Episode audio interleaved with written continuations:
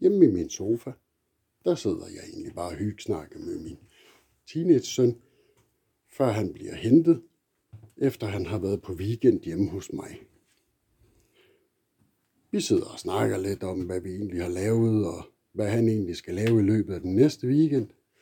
Da det lige pludselig går op for ham, at han har jo simpelthen glemt at pakke sine oplader ned. Og den er jo vigtig for en teenage-dreng. Så han går simpelthen fra lokale til lokale, det vil sige køkken, stue, soveværelse. Alle rum bliver simpelthen vendt på hovedet og indevendt, for at han kan finde den her lille bitte ledning, der simpelthen kan redde hans liv og holde hans life support i gang.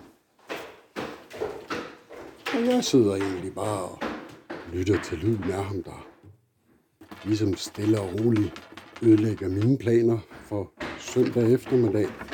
Der jo egentlig bare var at smide mig på sofaen og måske nyde en fodboldkamp eller to.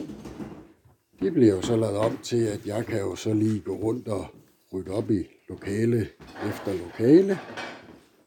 Velvidende, at ugen efter, så starter den sjove tur igen.